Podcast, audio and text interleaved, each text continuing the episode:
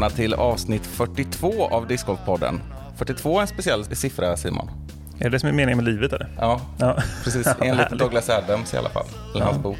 Passande ju. Ja. Men det är inte den boken vi ska prata om idag. Lyftarens guide till galaxen var det nämligen. Mm, Nej, Kanske man precis. ska nämna. Eh, Men vi sitter på ett soldränkt Järva discgolfpark med en speciell gäst. Det stämmer. Ingen mindre än David Stark som är författare av discgolfboken som ni många har sett ute i diverse forum och discgolfrelaterade sammanhang skulle jag tro. Hjärtligt välkommen som sagt. Tack så jättemycket. Nu vill vi veta lite, vem, vem är du? Ja, eh, jag är ju då en, en discgolfmässigt ganska mycket nybörjare. Jag började för tre år sedan. Men blev ju biten sådär på en gång. Och man kan väl säga det draget, eller någon, om jag ska berätta någonting om mig själv så är det väl just att jag har den här förmågan att bli biten av någonting. Och eh, det är därför till exempel jag slutade med bollgolf en gång i tiden, för det var liksom för roligt. Eh, Men nu hamnade jag där med discgolfen. Så jag spelar så mycket jag kan. Jag bor här i Stockholm nu men kommer då från västkusten från början. Men förutom att jag tycker om att kasta frisbee så driver jag ett bokförlag. Så ganska snabbt när jag kom in här och såg liksom hela det här communityt av discgolfare på nätet eh, och såg liksom att här finns det ju en massa människor som verkligen brinner för det här och det är en växande sport. Så kände jag att det här ska nog bli mitt bokprojekt. Eh, Är du förvånad över att det inte finns någon sån här bok eh, sedan innan? Eller finns det någonting som du har kunnat stå inte, på? inte i Sverige gör det inte. Nej. Men Scott Stokely har väl skrivit någonting och lite annat. Eh, nej, jag är inte jätteförvånad. Eh, vi har gett ut massa böcker inom här, ganska nördiga områden och ofta varit först. Eh, kan, bara en sidospår kan jag berätta med att vi har gjort den enda svenska boken om käpphästar. Jaha, Mm. Och det har gått svinbra. vad roligt. Eh, och det är lite samma feeling där. Liksom. Där var det, vi hade ett sätt att komma åt, eller att liksom nå alla genom ett stort Instagramkonto, nå käpphästmänniskor. Eh, och på så vis så skapar vi mycket kännedom om den boken. Och det har vi väl lyckats hittills med också, att skapa kännedom om det här. Mm. Jag. Jag, minns det som att du har sagt att ni har släppt en bok med så här 250 sidor om chili också, chilifrukter. eller någonting. Absolut, ja, ja. Så det kan vara ganska nischat. Ja, verkligen. Det är roligare när man får gå ner på liksom, och nöta på liksom, nördnivå. Ja. Och den andra gästen här i, i eh, avsnittet är ju 352 sidor lång, tjock. Vad säger man? Ja, den är tjock. Ja. Men det, det, det, den, det finns ju mycket som helst att ösa ur, eller hur? Ja, det gör det. Um Den är indelad, eh, kort kan jag berätta, den är indelad i fyra olika kapitel. Och det första är någon slags historik eh, som går från 1969 fram till 2030. Och där plockar vi också upp de stora spelare vi haft genom åren. Eh, och det höll jag ju på med hur länge som helst. Och jag insåg någonstans när folk som jag pratar med började säga du ska nog snacka med den där och den där, för han var med på ett hörn när Kärsön startade. Och så här, här, nu, får jag, nu får jag dra gränsen, liksom. för det, det går att göra hur mycket som helst. Eh, så- att bara det är ju 150 sidor. Liksom. Ehm, Det är ett bra svar till Christian Luuk i På spåret som frågade Arve hur, hur kan man fylla en bok om discgolf? Det är inte så svårt man just att få hitta, hitta liksom nej, saker att skriva om. Nej, verkligen inte. Och um, framförallt tycker jag just den här historiska biten, jag tyckte att det var jättekul. Och eh, det, det finns mycket att ta av där. Eh, jag menar, de bildade liksom ett frisbeeförbund utan att det ens fanns några klubbar. Vem gör det? Det är jättekonstigt. Liksom. Eh, och de startade banor utan att det fanns spelare. Liksom. Det, var, det är riktiga entusiaster var det på den tiden. Det är jätteroligt. Nej, men det, det är intressant också. Eller jag tror att boken fyller också en, en ganska viktig funktion för sporten. Alltså för vi är ganska historielösa på många sätt. Alltså jag, det finns eh, ganska lite arkiverat liksom, i klubbar och det ena och andra. Ingen vet vem som var klubbmästare 2007 liksom, Nej, och i, det, i vissa klubbar. Och, och dessutom eh, finns det ju också kun, en, en stor kunskapslucka hos utövarna också, i och med att det är så väldigt många nya som inte vet den lilla historia som ändå finns ju om discgolfen och eh, sporten i stort. Sådär, att, att det är väldigt mycket som, många som tror att den är ännu yngre än vad den egentligen är. Och att Mm. inte känner till att det har, har funnits och finns stora svenska stjärnor och sådär till exempel. Exakt. Ja, de, de, det kommer ju inte som en överraskning för de som hållit på länge, men eh, jag tror rubriken på första kapitlet är att svensk discgolf är så mycket större än du tror. Ja, just det. Ehm, och och eh, om man tittar liksom följer snacket i forum och sånt så har det liksom sista åren handlat ganska mycket om att ja, men, eh, vi är så jäkla långt efter och så vidare. Men man behöver inte gå så långt tillbaka i tiden till, till när det togs VM-medaljer. Mm. Eh, Det är ju fortfarande ingen, det finns ingen annan icke-amerikan som har lyckats lika bra på VM som Marcus Källström har gjort. Eh, För att inte tala om Birgitta Lagerholm. Nej, precis. Det är inte superlänge sedan. Nej. Och senaste svenska VM-medaljen var 2007 då, va? Stämmer det? Ja, det bör det vara. Ja. Tror jag. Det är ja. häftigt. Det har vi nämnt några gånger i, i podden, men eh, vi har aldrig pratat ordentligt om det. Nej, men det tåls att påminnas om. Ja, det gör ja, det. Och det är ju boken ytterligare ett verktyg för det. Mm. Det är väldigt trevligt. Och du, vi var inne på det, det här med att eh, historien som finns, och, och inte minst inom svensk discgolf. Och de historiens vin, vingslag har vi fått uppleva idag. Jag, Rickard, fick ju spela mot eh, dig och Patrik Arve, som är ju din medförfattare kan man säga i boken. Ja, det kan man absolut säga. Mm. Eh, vi fick spela på Kärsön, Ja, vilket... Eh, ja, du kan berätta om, om, om den banan kanske. ja nej, men det var ju... Jag gick faktiskt in i det här, för det är så allmänt, eh, allmänt bara sägs det, liksom att Kärsön är Europas äldsta bana.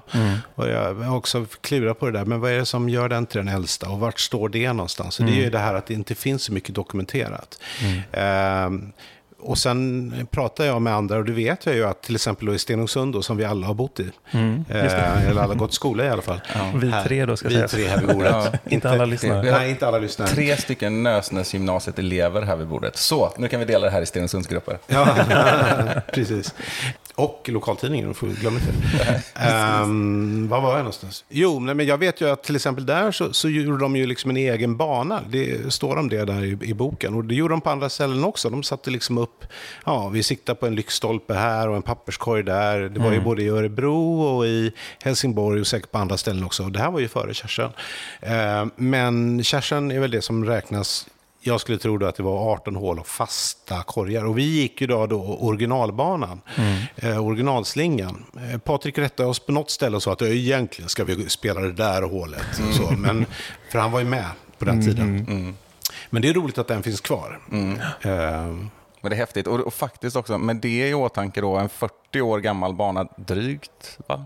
ja, du får göra matten där. Ja, men, eh, 78. ja, 78. Då, ja, 44 år då. Eh, den är ju bra. Den är jättebra. Ja. Alltså det, det, det är en imponerande slinga. Det görs betydligt sämre banor både igår och imorgon. Oh, ja. Oh, ja. Så är det. Och har väldigt fint område runt omkring. Det är en bra range. Man kan stå och träna och kasta och, och sådär. Ja. För att citera Arve, den, den friskaste banan i Stockholm, vad var det? Ja, han bedömer banor väldigt mycket efter luften. Eh, och man får väl läsa boken. Jag vill inte hänga ut någon bana i Huddinge. Men, men, eh, men man får ju läsa boken vilken han tycker har lite sämre luft. jag just håller inte helt med honom om det för att jag gillar den banan. Men Kärsön är ju omgivet av vatten så det är klart det blir det är jättefräscht. Liksom. Hur har rollfördelningen sett ut mellan dig och, och Patrik i eh, tillkomsten av boken? Eh, ja, men till att börja med så ja, det finns en kort kort historia bara om hur vi träffades. Eh, dels så har jag gett ut en bok med en medlem i ett av band, Arves åtta band, eller sju band, ett punkband som heter Nya Krösus. Eh, så det, på det viset hade vi någon slags kontakt. Men när vi precis hade börjat så var vi och spelade ute på Tyresö. Och då kom Danne Johansson och eh, gav oss lite råd och tips och visa och så plockade han upp en eh, ballista med teddybärstryck och visade, kolla här grabbar, vilken cool grej. Ehm, och min fru var med då och tyckte att den där var ju häftig. Och så skulle jag fylla 50 år och då kontaktade hon Arve och köpte diskar av honom. Och då visade det sig inte bättre. Jag fick en putter som, jag kommer inte ens ihåg vad det var, men eh, som jag tyckte, den här gillar jag, den här ska jag putta med. Så då åkte jag till honom och köpte fler av samma så att jag skulle kunna träna. Och sen när bokidén kom så eh, kände jag eh, bara någonstans att jag kan ska inte göra det här helt själv, för jag är liksom en nobody i kretsarna. Eh, Var? Eh, ja, jag är fortfarande en nobody. Eh, men, men Eh, utan jag ville ha någon som har varit med länge. Och sen så gör absolut inget att han är känd. Eh, så, så så vis började vi prata om det. Mm. Och sen har vi ju haft ett jättebra samarbete. Vi har ju liksom, jag har ju skrivit merparten. Eh, men vi har gjort väldigt mycket intervjuer tillsammans, varit på resor. Vi har pratat om allt om form och tonalitet och vad som ska vara med och inte ska vara med och så vidare. Så det har varit ett jättebra samarbete. Mm. Mm. Just det. Kan, kan du berätta om eh, ett, ett, någon av de här resorna som man kan uppleva i boken? Ja, men vi la ju ganska, lagt ganska mycket krut på. Vi var ju i Skellefteå en dag. Ehm, vi var ju så här, ja men absolut, vi, kör, vi flyger upp på morgonen och så träffar vi Latitude. Vi betar av det lite snabbt, tänkte vi så här rent av, så hinner vi ut på terminalen också. Just det, den här fina banan i Skellefteå. Ja, den där lilla fina banan. Ehm, och det var Patrik, han är alltid väldigt spelsugen. Så att han var bara, vi, det går väl fort i den här intervjun. Så det gjorde det inte. Eh, bara vi satt åt lunch där med Thomas Ekström och Johannes Högberg i eh, två och en halv timme. När Thomas släppte igång och berättade liksom hela historien. Eh, det, var, det var en fantastisk upplevelse. Och sen vara med i den fabriken och kika på hur det fungerar, hur det går till. Och in i de innersta rummen och titta på liksom gamla diskar signerade av stjärnor och så vidare. Det var fantastiskt roligt alltså. Och, eh, men det som har varit ro, skojigast med hela den här diskbiten, för vi var där i september. Ehm, och sen träffade vi Kasta Plast i februari, tror jag. Anders, Anders Hellström. Ja, Anders och så har jag pratat med Jonas Lindberg också. Och sådär. Ehm, Men där har vi på något sätt fått bevittnat hur mycket som händer. Alltså det är helt sjukt. Ehm, till att börja med så, så kommer ju alla spelarövergångar så att säga. Så Ricky kom ju tillbaka till Trilogy och Linus blev signad. Ja, och, helikopter. Ja. Ja, precis. Och, och, så bara där påverkade ju liksom den svenska disktillverkningen. Vi var ju sjukt imponerade när vi var uppe och var inne och tittade på halvvägen på fabriken där och tyckte jäklar vad ni masar ur er frisbees. Liksom. Och så var ju Discmania var ju redan igång då intill. Eh, men innan vi hann trycka boken, då gick de ut med att berätta om sin, sin nya lilla lokal som de har där uppe. Eh, som är ju ett gigantiskt eh, ställe. Liksom. Mm, mm. Så det hann ju hända. Eh, Så allt det som vi har dokumenterat där, liksom, det är bara okej, ni flyttar därifrån, det, var för, det är för litet. Eh, och vad hände mer? Jo, nej, men sen mitt i allt så köpte de in sig Kasta Plast också. Så det, det förändrar ju också saker och ting. Eh, men jag tycker ändå att vi har liksom fått det att ändå vara aktuellt. Och jag har ju liksom hunnit få med det här, liksom att, ehm, att det och det sker. Liksom. Men grejen är att när vi satt där uppe och han berättade Thomas var fantastisk eh, och berättade liksom mer än vad han egentligen får berätta. Ja. Det är ju en, hemlig värld, den här diskvärlden, om man säger så. Mm. Eh, de visste ju precis allting som skulle hända det närmsta halvåret. Men Just det. De får, de får portionera ut uh, det, nyheterna. kom, det kommer lite senare. Ja. Ja. Ja. Och två miljarder i tillskott av kapital plötsligt nu också förra veckan, eller vad det var. ja, Var det något du kände till innan? det kände jag absolut inte till. Nej, nej, nej, nej. nej. Får jag lite bakgrund till lyssnarna här? Ja, jag, jag tror det är bäst att du tar den bakgrunden. Ja, faktiskt. jag har inte följt det så mycket, men jag har förstått att det är norska investerare helt enkelt som har eh, kommit in och blivit då någon form av delägare i Latitude. Ja, Eller i Latitudes moderbolag. Ja, majoritetsägare på något sätt, men sen var det väl inte öppet med hur Nej. mycket mer än så. Nej. Nej, men det är ju en intressant... Eh, just den siffran, två miljarder. Ja, Spotify och de här, de är ju liksom på en annan nivå. Men ändå, eh, när man pratar med folk som inte liksom har någon koll på den här sporten, och det är ändå tyvärr ganska många som inte har det, de frågar mig, men har du skrivit en bok om discgolf? Det är ju, helt, det är ju jättekonstigt. Bara, Nej, det är inte ett dugg konstigt. Och då kan man dra upp en sån grej och berätta att ja, men de största, världens största det finns ingenstans i världen man tillverkar så mycket diskar som man gör i Skellefteå. Så, Alltså, Sverige är fantastiskt grymma på det här. Och framförallt Thomas Ekström är otroligt duktig på det här. Eh, och så berättar man att ja, nyligen kom några norskar och köpte in sig där för två miljarder. Då man förstår att okej, okay, det här är på riktigt. Mm. Mm. Business. Thomas Ekström kan vi också, har vi också nämnt så många gånger, men vi kan ändå eh, berätta lite vem det är. Men han är professor Plast, eh, har ju Ja. kallats för, sedan, länge också, långt före Latitude fanns. Ja. Han hade väl den rollen också i den gamla frisbee-lagan, det här tryckta. Korrekt. Ja, just Ja. det. Nej, men en, en, en extremt kunnig person om diskar även långt före eh, tillkomsten. Då. Han var ju med i grundandet av Latitude. Det var han. Och ehm, han, så han, ja han var ju då, jag har ju, jag har ju läst alla frisbeelagan. Ja, bara det. Hur har du hunnit det? Det kan jag nästan inte förstå. Nej, men det är mycket Ultimate som man kan hoppa över. Men eh, jag har gått igenom allting, ja. Och ehm, eh, där dök ju Thomas upp då, både som, först som spelare och vann ju två eh, dubbel par, par-VM ihop med Fredrik Granåsen. Och eh, sen var han då också professor Plast, så han recenserar diskar. Vilket ju var ett tag bara Discraft och Innova. Ja.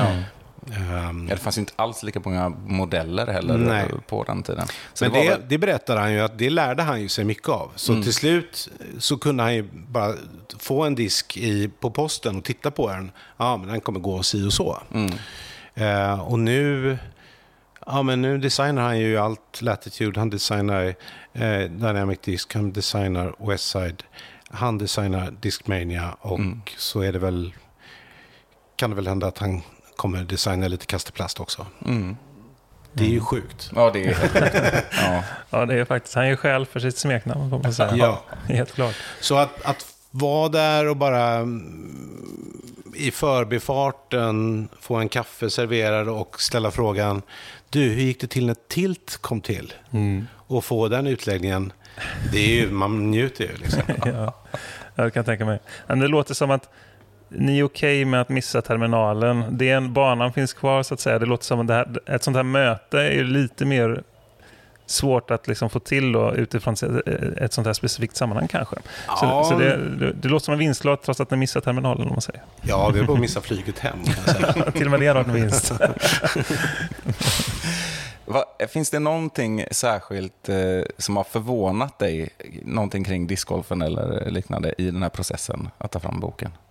Ehm, det där är så svårt att avgöra för att det är liksom det växer ju fram sakta men säkert. Så det, kanske, det kommer inte någon som bara säger oj shit, eh, händer det här? Men, nej, men dels så liksom eh, när man börjar förstå liksom vad som händer uppe i Skellefteå då, då var det liksom okej, det här är ju sanslöst. Liksom. Mm.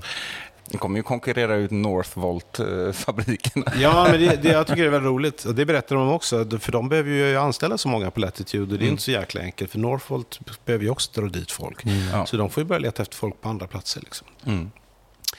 Nej, men det, det, överlag så jag, jag hade ganska...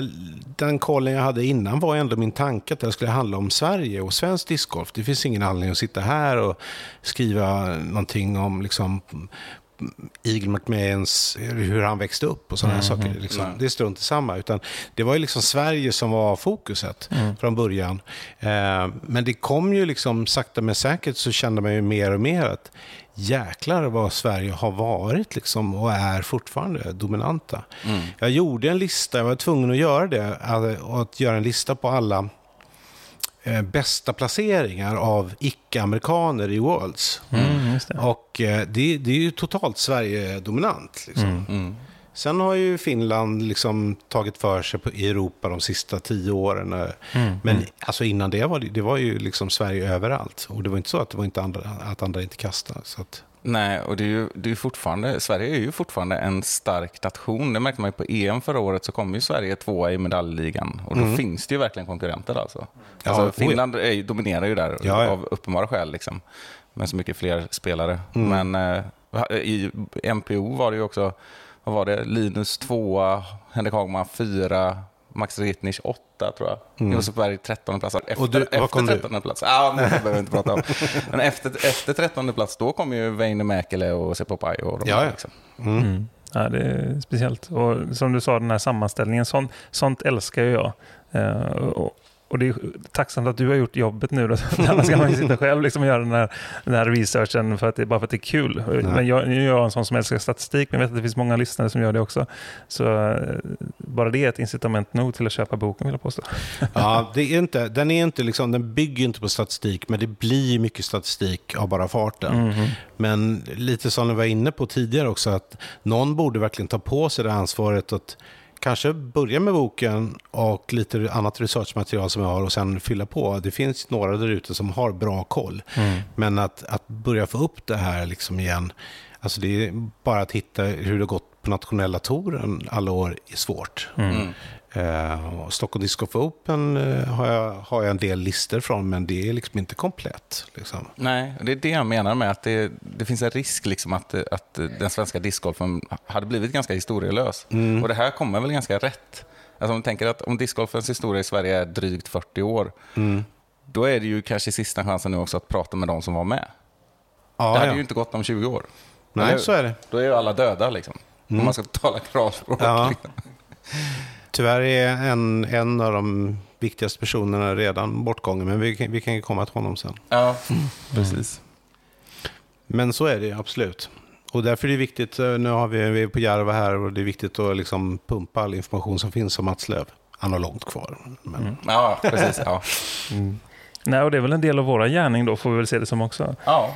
Att, att, att eh, snappa upp de här profilerna i discgolf-Sverige och, och få, få med det i någon typ av digitalt arkiv åtminstone. Ja, verkligen. Vi tänker oss liksom att om hundra år så ska folk leta upp i någon sorts Ja. dammig bibliotekskällare. Här finns något som heter Discgolfpodden och så är det den heliga graalen.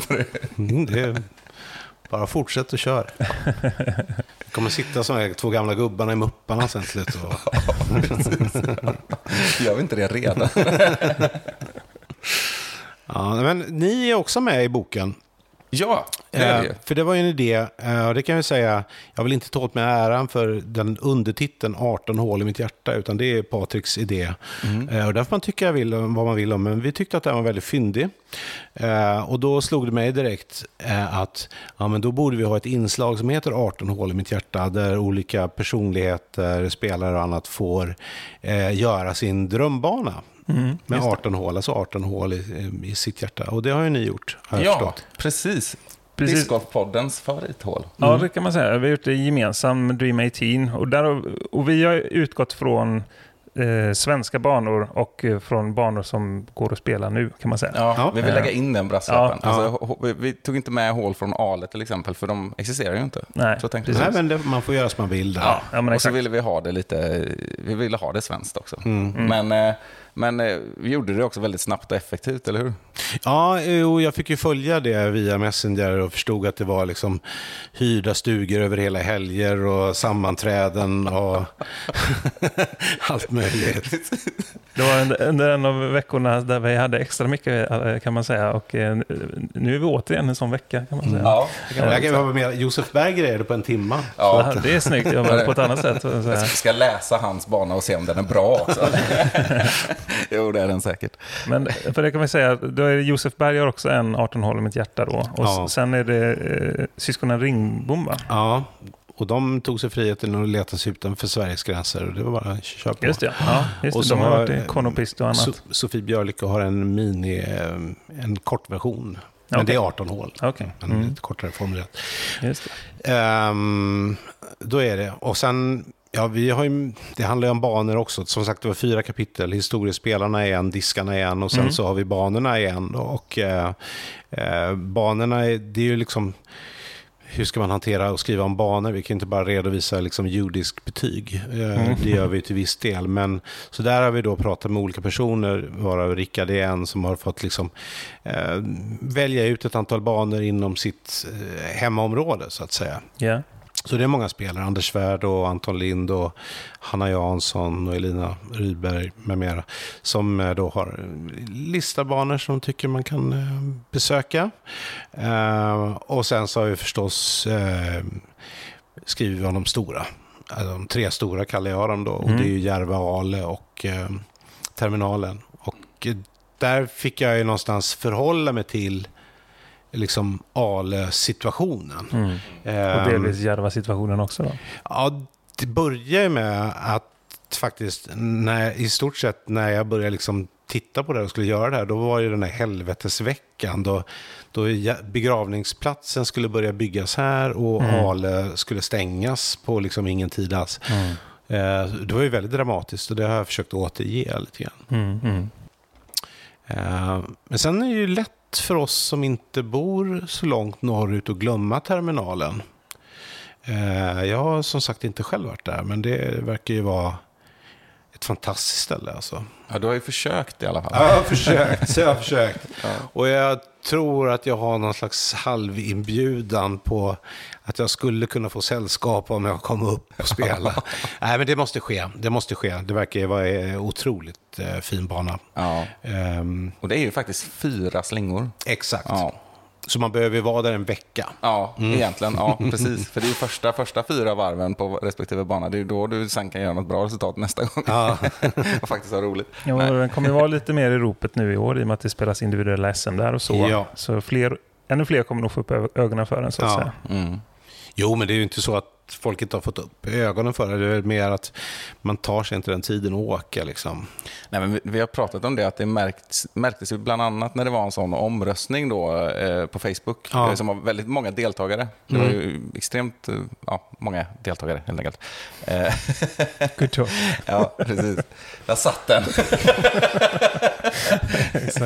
Men eh, då kom väl Skellefteå kanske på tredje plats eller något sånt där, tror jag. Och det, det, det är ju nog, för mig eller i alla fall, det, det blir ju subjektivt hur man vrider Ja. på det. Men för mig och Simon, som vill, vågar jag påstå och tala för, eh, är det ett resultat av att inte tillräckligt många har varit där. Ja. Mm. Det måste vara så. Mm. Och inget ont om de banorna som ligger före. Nej, nej, nej. Nej. Så är det alldeles säkert. Så är det nog. Ja, Så åk till Skellefteå. Ja, ja absolut. verkligen. Så är det faktiskt. Ehm, ja, men det var om banorna det. Mm. Just det. Ja, men det, det, det var också väldigt spännande. Och där pratade med Emil Dahlgren och andra också om, om terminalen. Och Thomas Ekström kommer in där. Man kommer märka att Thomas Ekström dyker upp lite överallt i den här boken. Det är, väl liksom, det, det är oundvikligt. Mm. Eh, han är en stor spelare om man säger så. Mm. Sen har vi ett, ett fjärde kapitel som vi ganska tidigt kom in på att vi ville göra, men visste inte exakt hur. Och det handlade mer om hållbarhet, både liksom i naturen och eh, kroppen, så att säga. Mm. Mm. Det var många som frågade i början, "Ja, ska ni visa hur man kastar och sådana här saker? Bara, nej, det kan man ju se på YouTube. Det är ju lite bättre. Eh, men däremot så skulle vi kunna prata om vad vi kan göra för att inte liksom skada oss och sådana här saker. Så Johan Sleman är med på ett hörn och berättar om vad som händer i kroppen när vi kastar. Och det är ju viktigt att veta. Just det, vad hans bakgrund är. Ja, han är ju fysioterapeut, kan det vara så? För landslaget Och kopplad till landslaget. Ja, precis. Mm. Och är med i eh, Sensblend-projektet. Jo, jag har vi haft den här. Jag tänkte att det behövde en påminnelse för lyssnarna. Ja. Mm. Eh, och ehm, sen har vi också, för det är någonting som är väldigt oundvikligt just när man är här på Järva, att eh, prata med Mats och kanske då framförallt Jonas eh, Löv, brorsan som är landskapsarkitekt och börja fråga om hur den här banan kom till och så, så hör man ganska snabbt att här har det ju liksom inte gått några grävskopor och grävt saker utan tvärtom har det gått så sparat små växter som sen ska bli stora och det är ett fantastiskt hållbarhetstänk. Eh, Så, så bland annat har vi gjort en trädguide Mm. så att man ska veta vad det är man träffar. Ja. Ja, exakt. Eller vad man vill undvika. Och vad man vill undvika. Ja, men det finns lite så här också guidning om nivå. Om att Ja. Är det en asp? Är det, är, det liksom, är det bra eller dåligt ur discgolfsynpunkt? Liksom? Hur, glesa, hur glest är lövverket på hösten? Och så vidare. Men, men med det i, i åtanke så är jag förvånad över att det inte flög en massa latinska namn över alla träd ni träffade på Kärsen. Mm. Jag, jag har ju tagit hjälp med researchen där, så, så, så jag har inte pluggat in det. Ehm, nej, ehm, men, men sånt där är viktigt. Och vi tycker, både jag och Patrik har väl ändå så här, när vi pratar om vad som är en bra bana, för det är ju också någonting som alla har olika idéer om. Eh, så vi värderar ganska mycket liksom, naturen, Mm. hur fint det är. Absolut, och det brukar vi också tänka på. Ja, Mm. faktiskt. Det Det, känns som att det. Kan, ibland i alla fall, så kan det förbises lite, lite så. Ja. Att man tänker mer på det, det funktionella och sådär. Och vilket Mm. såklart är viktigt. Men, men det, alltså helheten är ju det viktigaste såklart. Men den här grejen får inte, eh, ja, får inte ses mellan fingrarna. Nej. Kanske konstigt uttryckt. Li- ja, Lite så hårt, hårt lärarmässigt. Men vi måste ja. Se på detta. Nej, men så är det verkligen. Och det som du är inne på, och jag har nog nämnt det tidigare sport, i sporten, i podden också, det här med att eh, skillnaden exempelvis mellan bollgolf och discgolf, Mm. sett till den biologiska mångfalden och sådär, Mm. att discgolf är ljusår bättre där. Ja. Eh, och det är inte heller någonting att eh, glömma av så att säga. Och ett, ett bra så här, försäljningsknep om man vill prata med sin lokala kommun eller sin beslutsfattare som kan säga om det här ska vi ha en bana eller inte. Ja. Eh, det, är inte det är inte dumt alltså. För det, det är något som också ligger i ropet väldigt mycket. Ja. Ja, Jag, jag vet att det har åtminstone pratats om ekocertifierade banor. Jag tror Mm. att det är en jättebra idé hur man nu kan få till det. Men det är ju sånt som man brukar kunna visa upp för kommuner och annat. Mm. Mm. Nu verkar det ju inte som att det är... Alltså, det byggs ju mycket banor nu. Mm. Ja, det gör det verkligen. Ehm, det är liksom, jag har följt medierna under den här tiden jag har hållit på med boken, liksom haft bevakning och sett allt som skrivs. Och nästan allting som har skrivits de senaste två åren, det handlar inte om resultat, om hur bra det går på någon tävling hit eller dit. Det nämns väldigt sällan, utan det är kommunala beslut om att det ska bli en ny bana eller om att det har överklagats som en Mm, bana mm. och så vidare. Ja, och det, det, det har nästan varit tröttsamt alltså, måste jag säga. Och så här, det, här, det här har hållit på i mer än liksom två Mhm. år, eller pandemiår och så också. Det har varit nästan allting som skrivs i den, de olika lokala tidningarna och sådär. Det är någon som står och puttar på en korg och så är det nu får Mm. Pålsböle sin första discgolfbana. Mm. Det var en, en skylt vi åkte förbi mycket på Åland, så det därför jag hade det i huvudet. Ja, ja, ja. Jag kom inte på Säffle eller... Ja, ni fattar vad jag menar. Eh, Tida Hörn. ja, Ja, men där, där tror jag... Jag har någon liten idé om att nu kanske vi kommer få se en slags eftereffekt Mm. av pandemin. mm. Alltså, pandemin gjorde ju då, alla vet ju att det var jättemånga som började kasta. Ehm, och ehm, nu tror jag att medierna, de traditionella, de som du tillhör Rickard, Mm. som är inte alltid så snabba i starten kanske. Ehm, No offense. nu, har, nu kan det ha bankats in att det här är en sport på uppgång. Ja. När vi själva kanske inte längre tycker att boomen är, pågår. Utan vi kanske har känt att boomen har, den värsta boomen har varit, bästa boomen har varit, ska vi säga. Eh, men nu tror jag att det kan ha betats in och att man nu kommer få se andra typer av reportage. Ja, men det här, precis. Och det, det, det, det går liksom hand i hand med det här att det, faktiskt kommer in på riktigt i människors medvetande Ja. att det existerar. För, att för några år sedan så var det ju så att man fick verkligen förklara vad discgolf var. Men nu är det i alla fall, i, i värsta fall, skulle jag vilja säga, att personer man pratar med säger jaha, ja men det har jag, eh, det ska jag, har min svåger sagt att vi ska ut och göra. Eller liksom alla känner någon som håller på med det eller känner någon som har pratat om det vid en middag.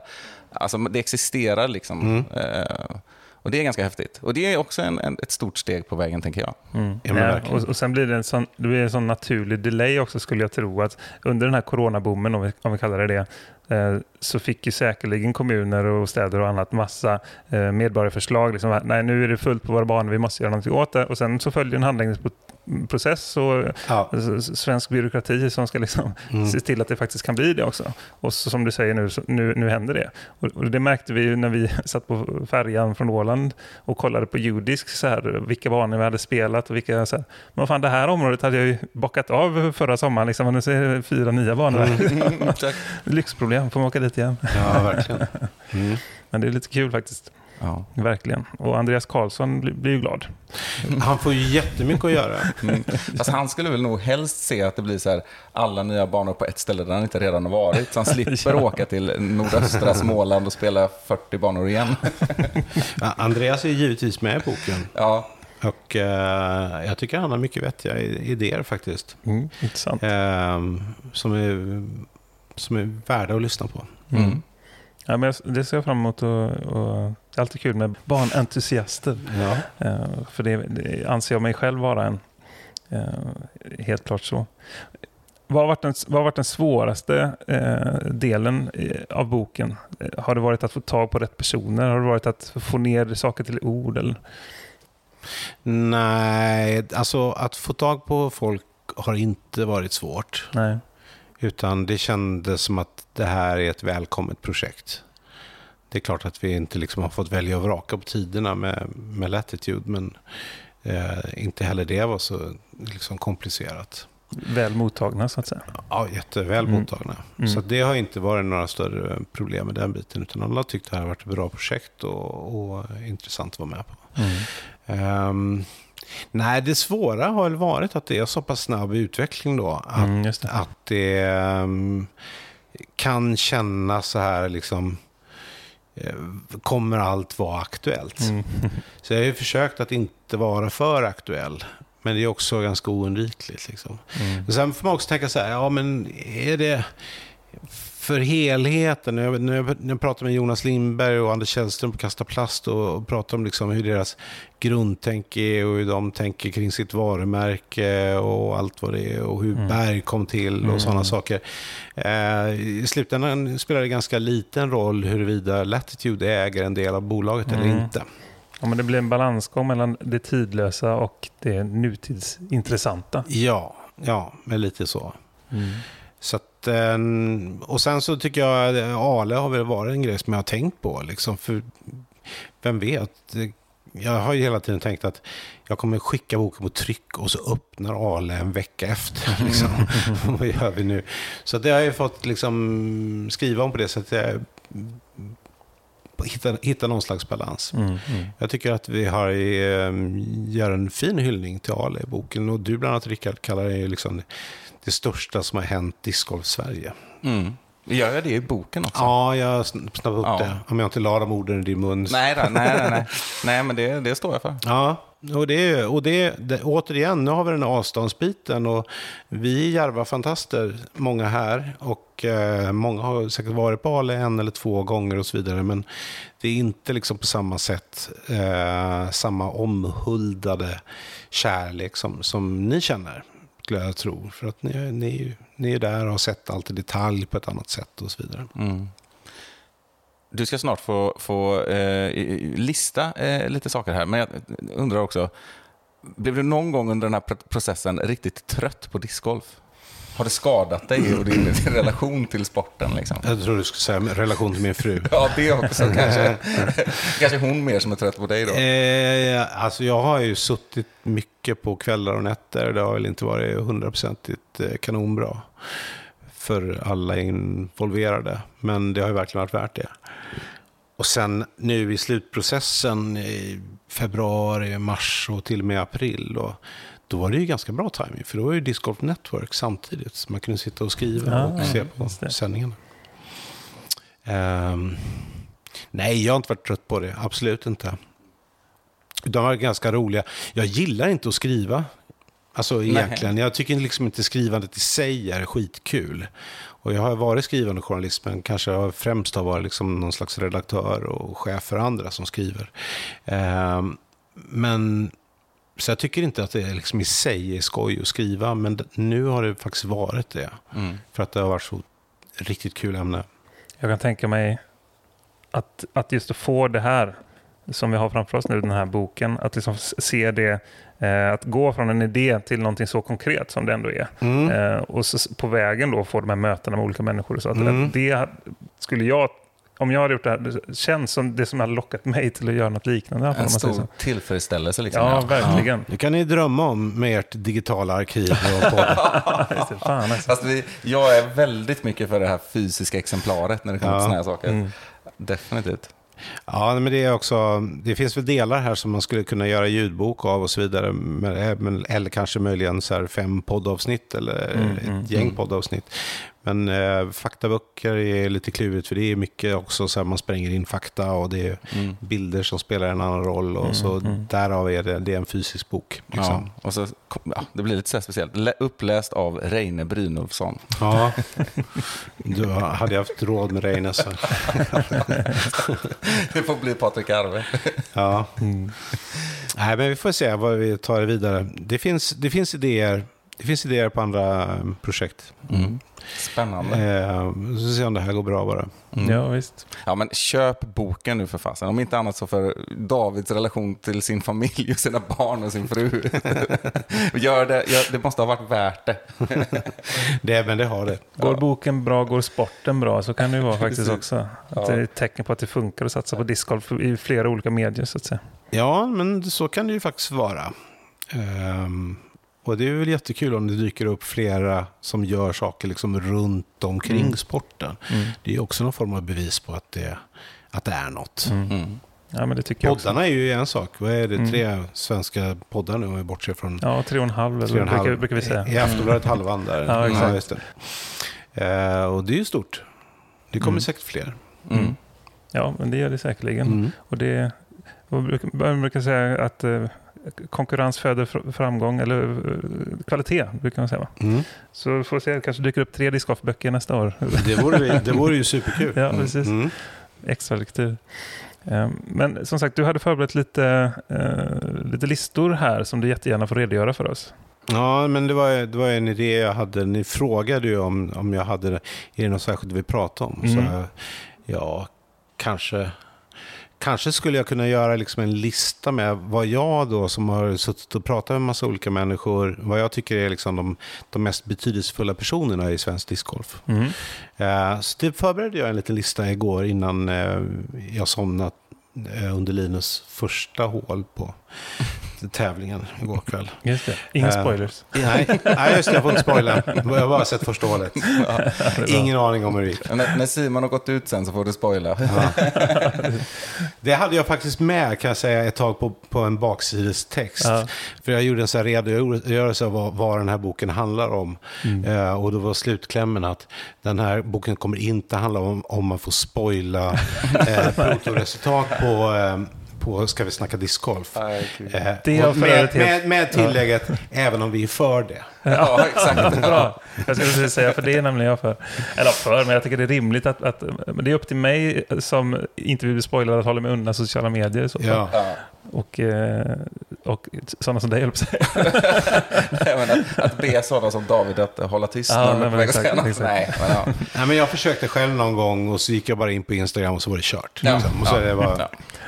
Ingen idé. Nej. Nej, men jag gjorde en lista på, på fem personer som jag tycker då är här, särskilt betydelsefulla inom svensk discgolf. Får vi se om det är något som är överraskande. Mm, eftersom jag är en fegis Mm. och liksom inte vågar liksom utesluta någon så är femteplatsen delad. Men det är också helt logiskt för det är två stycken bröder och då vet ni vilka bröder jag pratar om. Ja, det vill jag... Ja, inte helt säkert Nej, faktiskt. det kan, Nu. ju, det kan vara två, men jag skulle vilja påstå eller tro att de eh, finns i vår direkta närhet där vi, bo, där vi är just nu. De finns i vår direkta närhet och det är Mats och Jonas Löv då. Just det. Och eh, att de inte heller går att särskilja hur som helst är ju för att Järva inte bara är Mats verk utan även Jonas eh, spelar en väldigt viktig roll då, som landskapsarkitekt.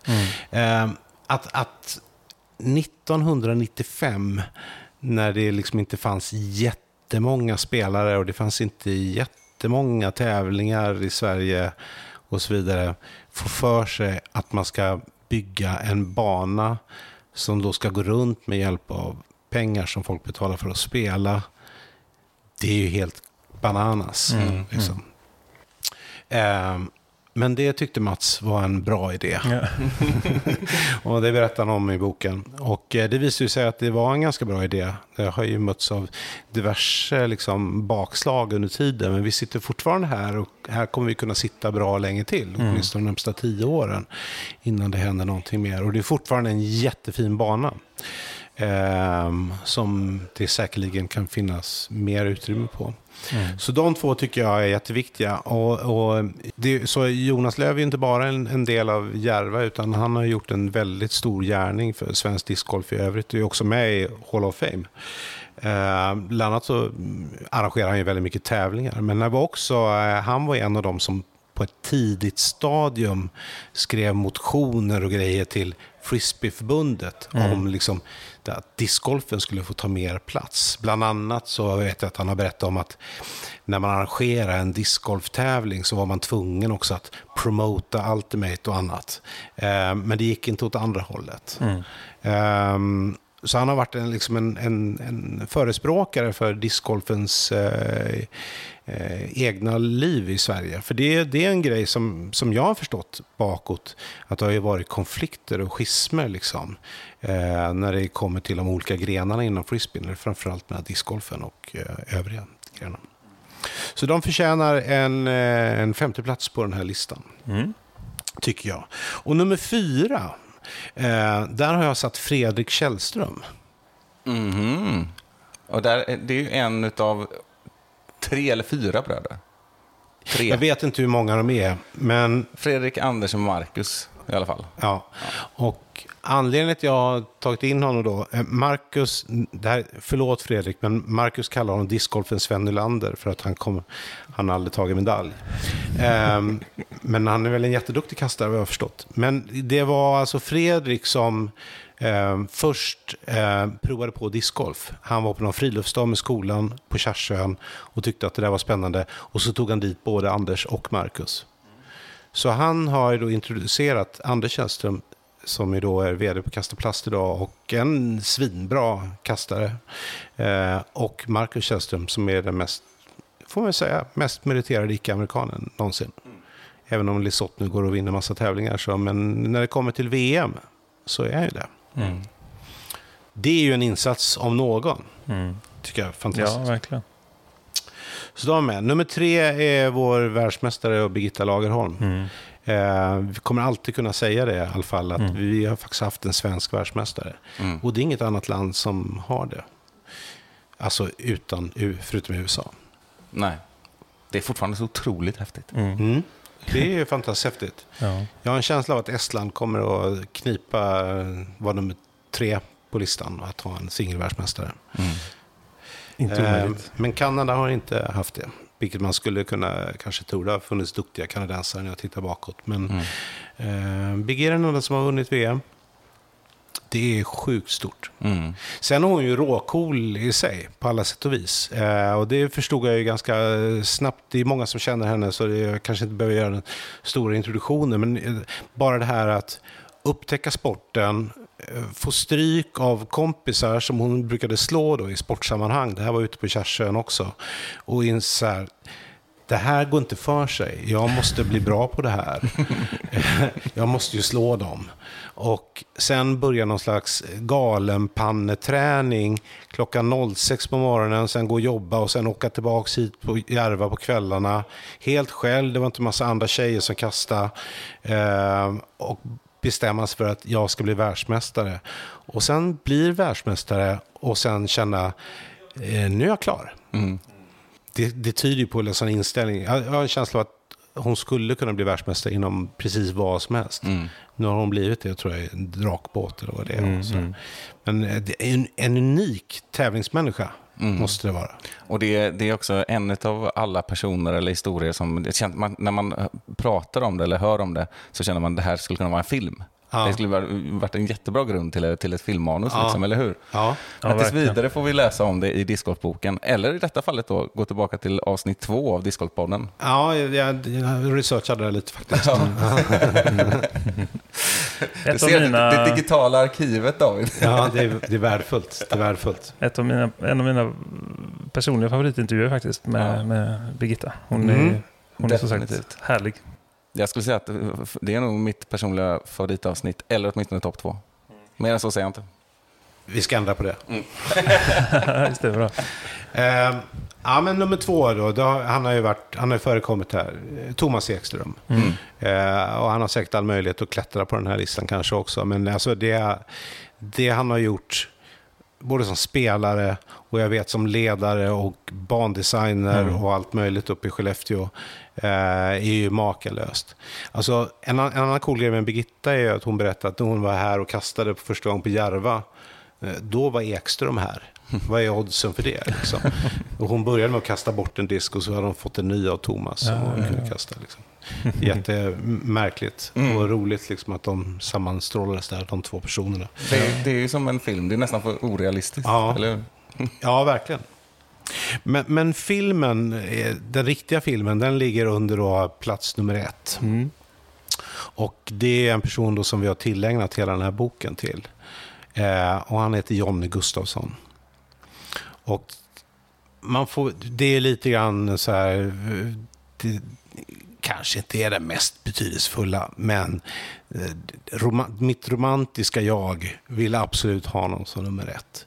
Eh, du frågade faktiskt förut, Rickard, vem är, vem är Jonny? Mm. Och, och, s- ja. och sen kom jag faktiskt på det. Och sen kom du på det. Eh, och det visste inte jag heller så mycket om när jag började med, med den här boken. Men jag förstod ju att det här var eh, mannen som på ett väldigt tidigt stadium hade stora, stora visioner om just själva discgolfen. Eh, Frisbeeförbundet bildades genom att eh, Mikael Hjärtsjö i Helsingborg ehm, han kastade frisbee, hade varit utomlands och sett eh, spelare och så hade han fått eh, köpt hem någon frisbee och sen så började han köpa från USA. Eh, och han var en gång, i, nu blir det en lång historia, han var en gång i Frankrike på någon språkresa och så skulle de gå och ta lite fina bilder. De kastade upp frisbees, jättecoola bilder blev det från en fin park där. Och eh, sen skulle tidningen Femina ha en tävling där man lottade, lottade ut frisbees. En sommartävling.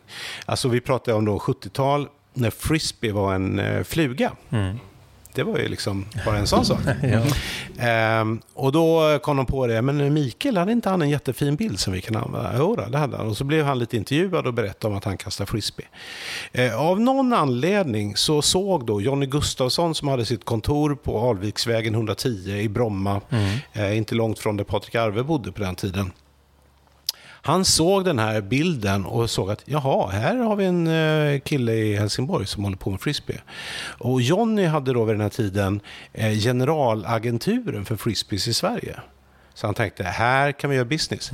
Eh, Mikael skulle rycka in i lumpen i Kristianstad. Han, Jonny lyckades få tag på honom på logementet och säga du borde komma upp till Stockholm så ska vi prata lite grann om framtiden. Och eh, då bildade de bara det att man ringer upp någon på ett logement. Det är 1970, vad kan det ha varit? 75 liksom.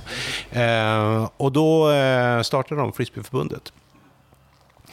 Och det som hände sen var ju att de drev det här framåt på alla sätt och vis och de hade olika intressen. Vi pratade alltså frisbee med fristil och allting. Men Jonny var ju discgolf, han såg discgolfen. Eh, Så han var ju den drivande kraften på Kärsön.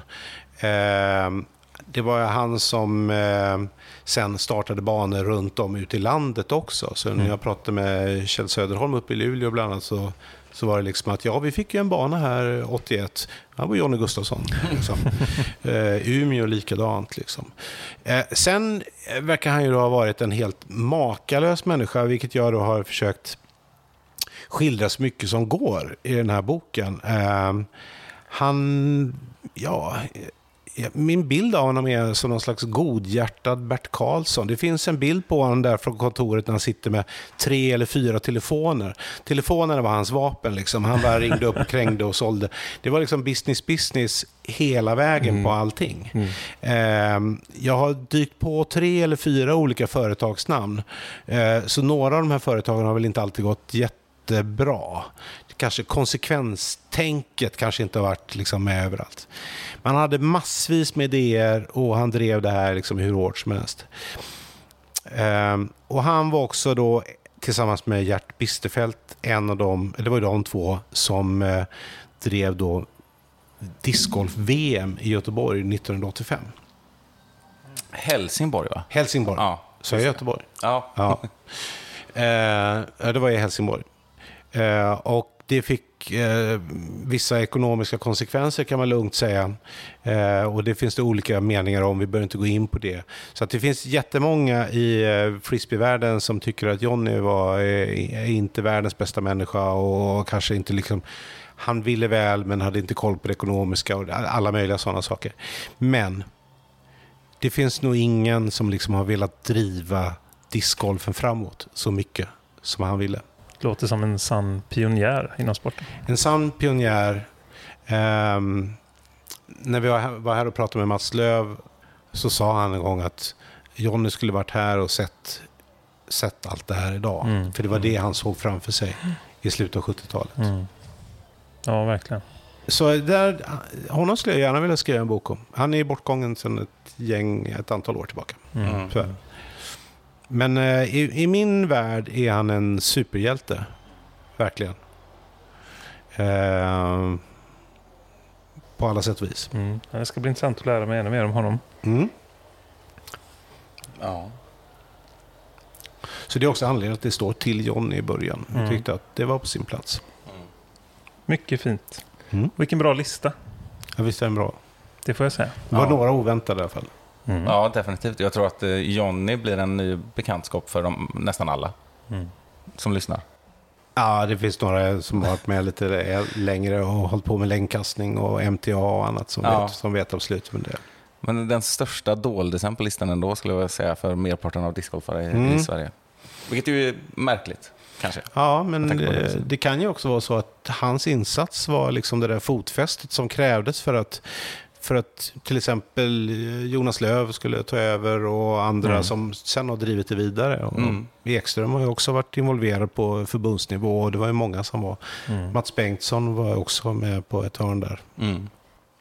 som var en fantastiskt duktig spelare. Mm. Och nu har vi nämnt alla svenskar som är med i Hall of Fame, tror jag. Ja. Ja. De är där av en anledning. ja. Är Nej, inte Jesper. Nej, just det. Jesper Inte Lundmark också. Nej, inte. Mm. Och, och eh, Jesper är faktiskt den enda av de här storstjärnorna som jag inte har intervjuat. Och det var ett medvetet val för att eh, man tittar bakåt vilka som är... när man, jag, jag gick ju in i sådana mediearkiv och kikade vart det, hur mycket det skrivs om discgolf genom tiderna. Och då är det två städer som det skrivs jättemycket om frisbee och discgolf. Det är Västervik Mm. och så är det uppe i Skellefteå. Mm. Så då eh, gick jag faktiskt igenom allting. Då valde jag att och skriva om Jespers karriär utifrån vad de skrev i Norra Västerbotten. Och så. Mm. Så det blev ett, det. bara för att få ett annat stilgrepp. Mm. Mm. Hoppas han gillar den Mm. läser. Ja. Eh, och om man nu som lyssnare vill få tag på den här boken, hur går man tillväga då på bästa sätt? Ja, men den finns ju hos eh, diverse återförsäljare, alltså diskåterförsäljare. Mm. Eh, och sen så kan man köpa den av oss direkt Mm. på eh, mitt bo- bokförlag heter Pugg förlag. Mm. Eh, Jag ska också ha en domän som heter discgolfboken.se som ska hänvisa till vår sajt. Där boken finns och eh, diverse eh, trams, roliga t-shirts och annat som vi håller på med. Skoj. Men det går, och eh, discgolfboken på Instagram, där finns det väl alltid en länk. Mm. In och följ. In och... Eh, vad skulle jag säga? Stötta. Ja, in och läs tänkte jag säga, men det är svårt att läsa boken på Instagram. Ja, men jag ska försöka fortsätta och liksom droppa delar ur eh, boken. Eh, liksom så här, för att det som ni sa på banan, då, bra content. Mm, ja, men exakt. Lite teasers. Mm. Ja, men vad härligt. Det har varit fantastiskt bra eh, och det har varit fantastiskt trevligt att ha dig med här. Ja, vad roligt. Ja. Är det något, något sista medskick du vill eh, ge till lyssnarna ute?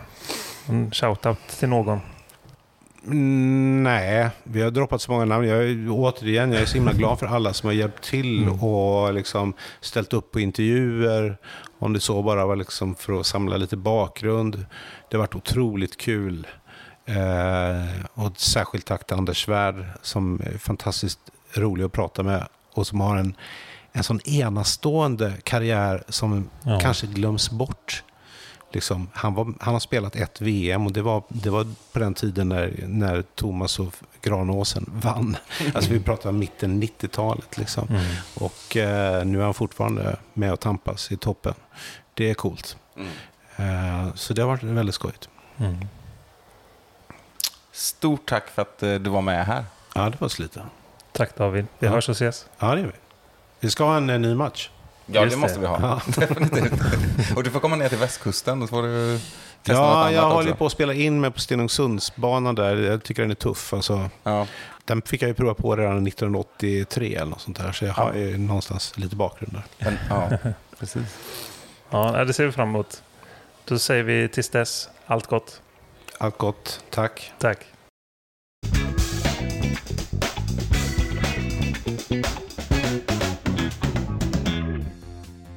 Då så, ytterligare ett avsnitt bakom oss. Och för er som vill ha en möjlighet att få en sån här bok gratis hemskickad till er och dessutom lite andra små artiklar från, från poddens verksamhet om inte annat. Ni får gärna hålla utkik på sociala medier där vi kommer göra en giveaway med då discgolfboken.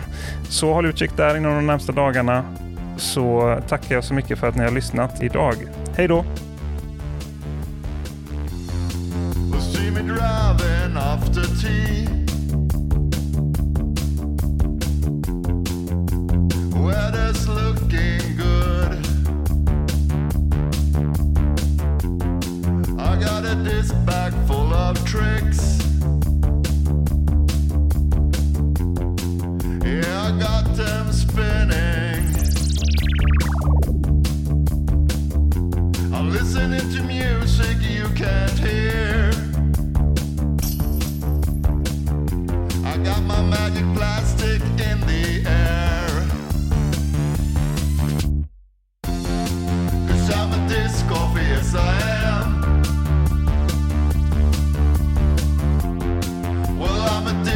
cabeça é